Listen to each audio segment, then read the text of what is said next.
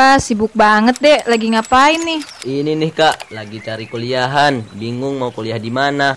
Oh, emang kamu mau ngambil jurusan apa? Bebas sih kak, tapi kata mama Dek, dunia kampus itu luas. Kamu boleh dapat dunianya, tapi jangan lupa sama akhiratnya.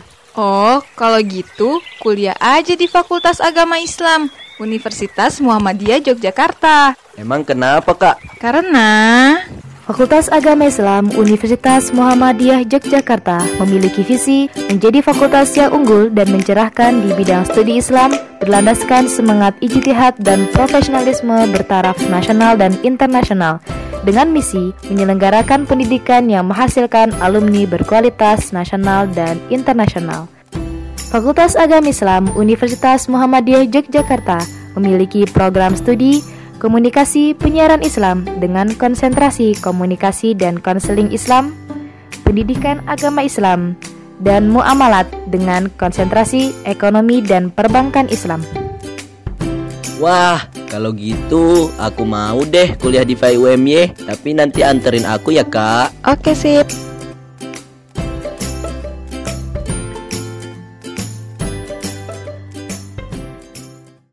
Assalamualaikum warahmatullahi wabarakatuh. Sahabat Radio Edukasi Sebuah lagu dua kalimat syahadat Dari Bea Beo Lagu Anak Indonesia Telah membuka pertemuan kita pada pagi hari ini.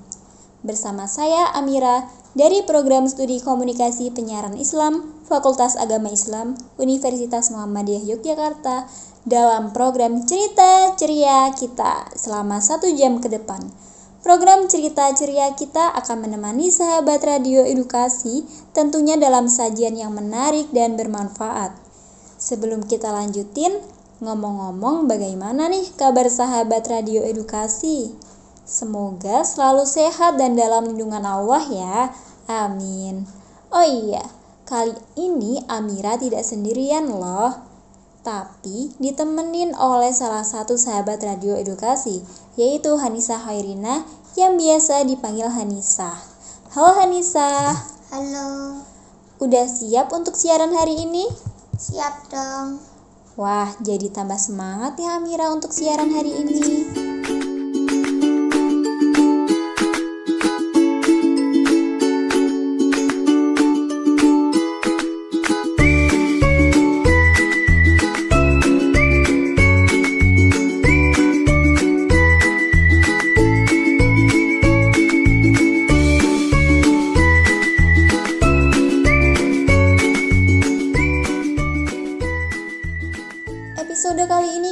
Akan mendengarkan sebuah cerita yang tentunya akan membuat sahabat radio edukasi makin cinta sama Allah. Cerita ini berjudul Nabi Ibrahim dan Api. Kalau Hanisa udah pernah dengar belum ceritanya? Belum. Wah, siapa juga yang belum pernah mendengarkan ceritanya nih? Yuk dengerin terus program cerita ceria kita sampai selesai ya sahabat radio edukasi.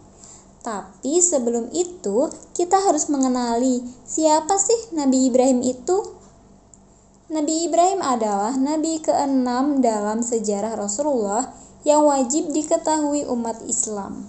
Beliau juga merupakan salah satu nabi rasul yang termasuk dalam kelompok ulul azmi. Nabi Ibrahim lahir di tanah Ur Kasdim yang letaknya sekarang berada di sebelah selatan Irak.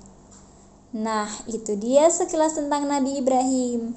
Sebelum kita mendengarkan kisah Nabi Ibrahim dan api, kita dengerin dulu yuk lagu berikut ini. Lagu Anissa 25 Nabi. Assalatu ala nabi Wassalamu ala rasul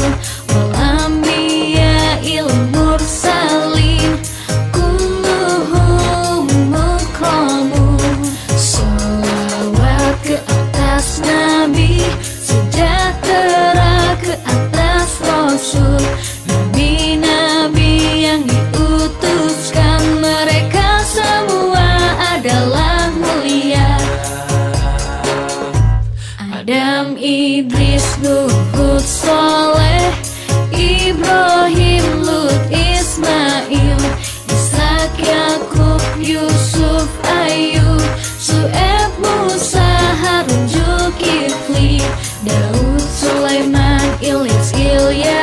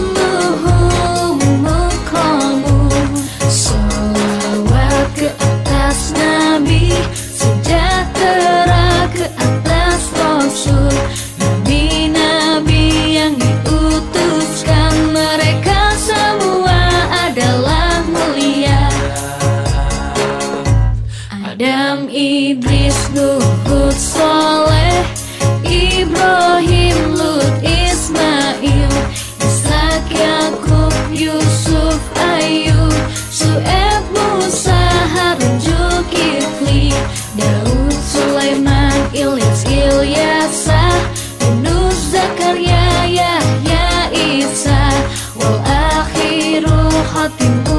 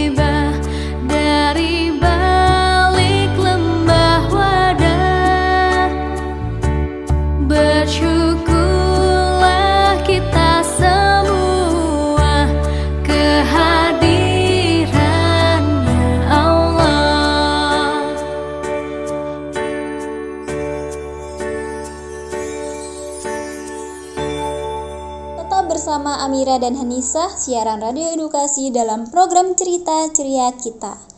Kali ini kita akan mendengarkan sebuah kisah yang sudah ditunggu-tunggu ya sahabat radio edukasi, yaitu tentang Nabi Ibrahim dan api. Nabi Ibrahim merupakan Rasul Allah yang mulia. Sebagai seorang yang mulia, tugas Nabi Ibrahim alaihissalam sangatlah berat karena dia harus dilahirkan di tengah-tengah masyarakat jahiliyah yang musyrik dan kafir. Sayangnya, ayah dari Nabi Ibrahim alaihissalam adalah pembuat patung berhala yang juga mempercayai bahwa patung-patung itu adalah perantara manusia kepada sang holik. Ditambah lagi, kaum jahiliyah di zaman Nabi Ibrahim memiliki seorang penguasa bernama Raja Namrud yang dengan sombongnya mengaku bahwa dirinya adalah Tuhan semesta alam. Anehnya, banyak sekali yang percaya pada pengakuannya tersebut. Semasa kecil, Nabi Ibrahim diasingkan ke hutan. Di dalam sebuah goa yang mustahil akan ditemukan orang. Hal ini dilakukan dalam bentuk penyelamatan karena di zaman itu Raja Namrud mengeluarkan peraturan untuk membunuh setiap ada bayi laki-laki yang lahir.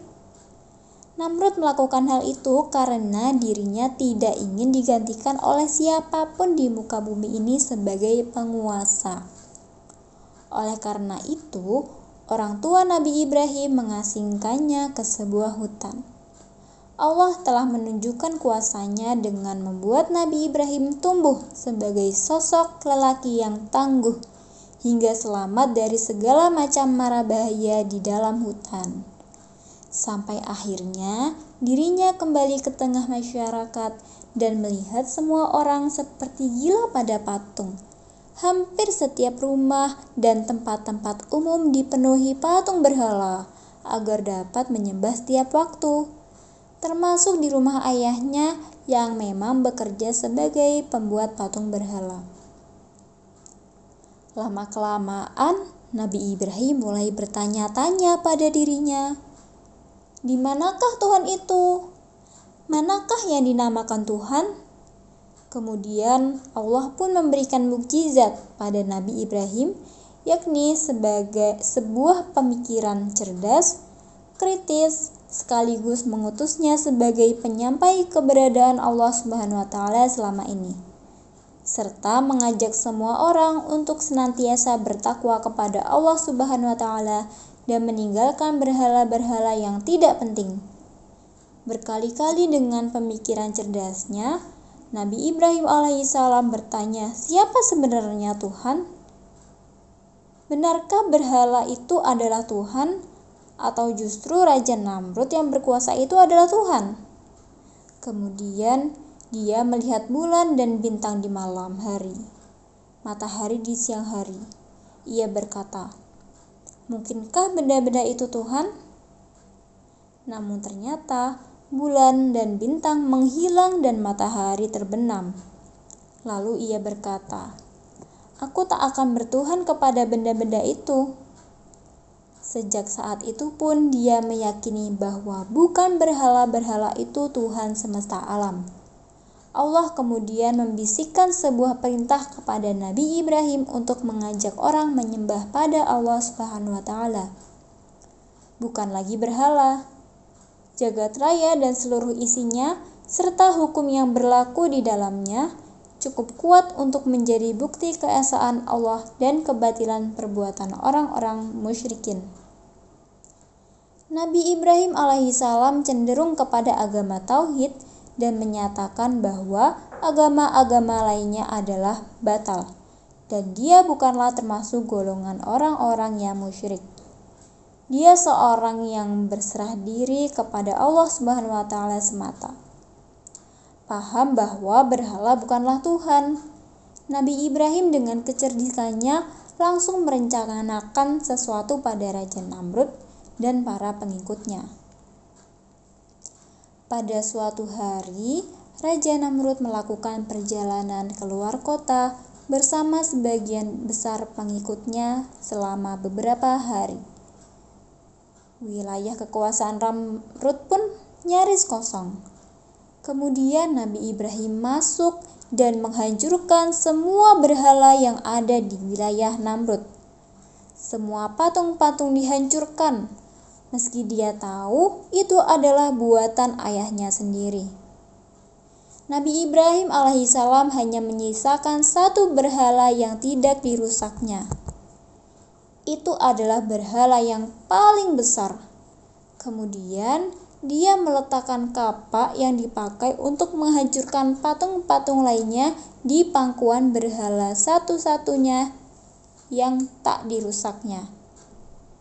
Masih semangat mendengarkan ceritanya nggak Hanisa? Masih dong. Oke, sip. Kita lanjutkan ya Hanisa dan sahabat radio edukasi. Setelah beberapa hari, Raja Namrud mengetahui semua berhalanya rusak dan murka. Sang raja berkata dengan geram, "Wahai Ibrahim, bukankah engkau yang telah menghancurkan berhala-berhala ini?" "Bukan," jawab Ibrahim singkat. Mendengar jawaban itu, Raja Namrud semakin geram dan berkata, Lalu siapa lagi kalau bukan engkau? Bukankah kau berada di sini saat kami pergi? Dan bukankah engkau membenci berhala-berhala ini? Ya, tapi bukan aku yang menghancurkan berhala-berhala itu.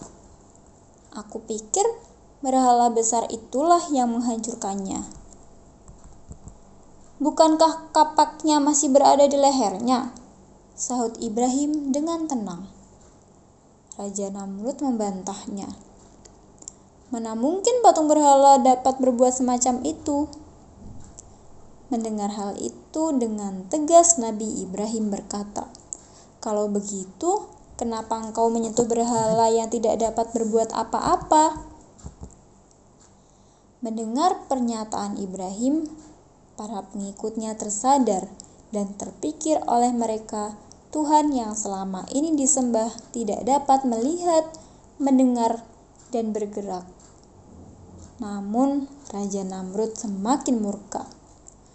Karena geram dan kesalnya Raja Namrud, akhirnya ia memerintahkan pada tentaranya untuk menghukum Nabi Ibrahim dengan seberat-beratnya. Nabi Ibrahim dihukum mati dengan jalan dibakar hidup-hidup api dinyalakan besar sekali dengan kayu sehingga sebagai bahan bakarnya. Sementara Nabi diikat dan ditempatkan di tengah-tengah tumpukan kayu. Tetapi Allah lebih berkuasa dalam segala hal.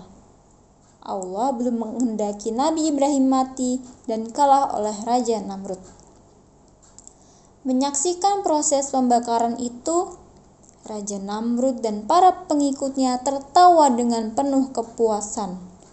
Mereka mengira Nabi Ibrahim telah hancur menjadi abu bernama api. Namun, begitu terkejutnya mereka setelah api yang menyala dahsyat itu padam. Nabi tiba-tiba berjalan keluar dari puing-puing pembakaran dengan selamat tanpa luka sedikit pun. Saat itu, pengikut Namrud berpaling dan menjadi umat Nabi Ibrahim untuk terus lurus ke jalan Allah Subhanahu wa taala. Nah, itu dia kisah Nabi Ibrahim dan api. Pastinya banyak hikmah yang dapat kita ambil ya sahabat radio edukasi. Yuk setelah ini Amira mau kasih beberapa pertanyaan untuk Hanisa supaya cerita Nabi Ibrahim dan api selalu diingat. Eh, sahabat radio edukasi juga boleh jawab ya, tapi jawab di dalam hati aja. Karena di sini Amira gak kedengaran. Gimana Hanisa? Siap? Siap. Sebelum kita masuk ke segmen berikutnya, kita dengerin dulu, dulu lagu Aishwa Ya Maulana.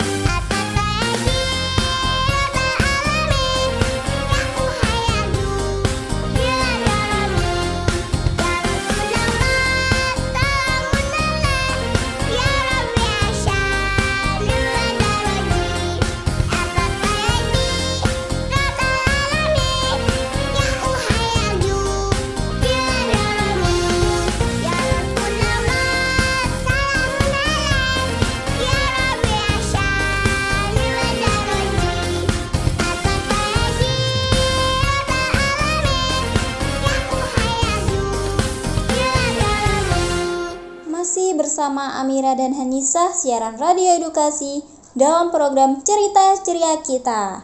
Sekarang Amira mau kasih pertanyaan untuk Hanisa. Pertanyaannya adalah siapa nabi yang dibakar dengan api tetapi tidak berhasil? Nabi Ibrahim. Benar.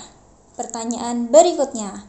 Siapa raja yang membenci Nabi Ibrahim dan ingin berkuasa selamanya? Raja Namrud. Betul. Nah, sekarang pertanyaan terakhir ya. Siapa yang memberikan mukjizat kepada Nabi Ibrahim? Allah. Sip, benar sekali. Hebat Hanisah bisa menjawab semua pertanyaan. Oke sahabat radio edukasi itu dia kuis yang dapat Amira sampaikan. Kita dengerin dulu lagu dari Nusa dan Rara Rukun Islam.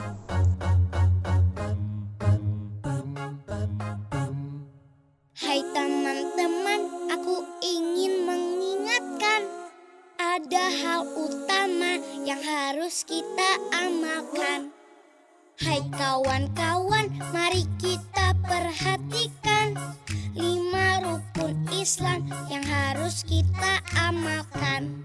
Satu syahadat, dua sholat, tiga puasa, empat bayar zakat, lima naik haji jika sudah mampu. Itu rukun Islam yang harus kita amalkan. Ayo hafalkan semua. Rukun Islam yang paling mulia. Ayo hafalkan semua. Tanamkan dalam hati agar Allah cinta kita.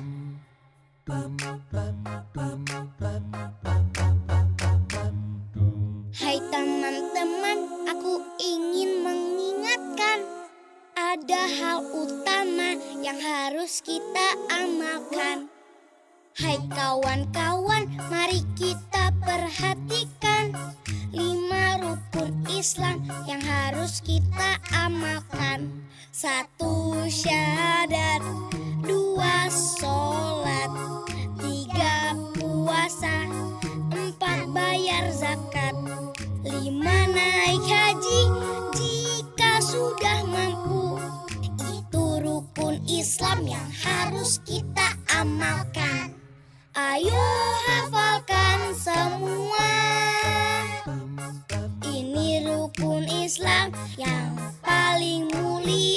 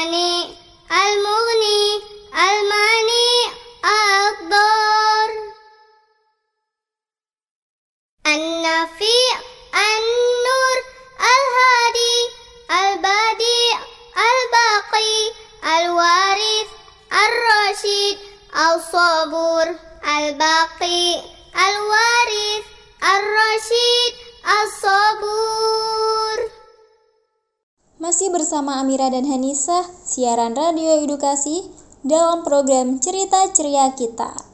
Wah, nggak kerasa ternyata udah satu jam aja ya Amira dan Hanisa nemenin sahabat radio edukasi pada kali ini. Jangan lupa dengerin terus siaran radio edukasi. Jangan lupa juga untuk selalu memakai masker ketika keluar rumah, mencuci tangan, dan juga menerapkan protokol kesehatan yang lainnya.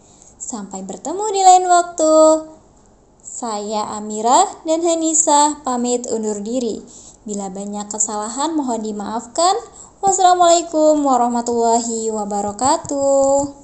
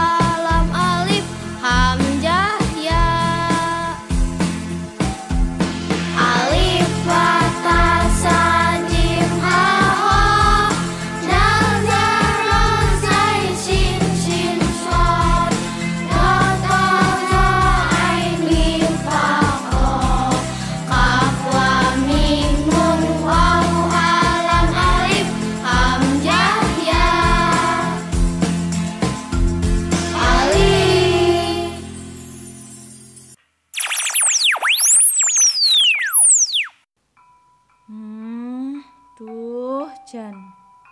Eh, ngapa tondo? Ngelamun wae. Bingung bu, meh kuliah neng di. Aku pengen jadi reporter, jadi jurnalis, yo pengen jadi fotografer. Halah nduk, nduk, ngapa bingung-bingung? Ki lho, rungokke radio sik wae, lemeske.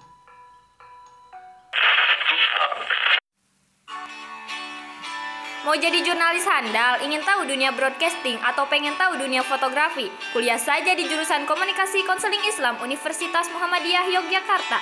Jurusan ini mempunyai 9 komunitas pengembang bakat atau ICC. Di antaranya adalah ICC Jurnalistik, Fotografi, Radio, Research, Musik, Film, Public Speaking, Tadabur Alam, dan ICC Konseling. Di sini kamu nggak hanya menjadi jurnalis biasa, tapi jurnalis yang berbasis Islami guys. Ilmu dunia dapat, ilmu akhirat juga nggak ketinggalan. Komunikasi dan konseling Islam dengan slogan berilmu, beradab, dan berdaya guna mampu menghasilkan sarjana-sarjana yang istimewa. Iklan layanan ini dipersembahkan oleh Jurusan Komunikasi dan Konseling Islam Universitas Muhammadiyah Yogyakarta.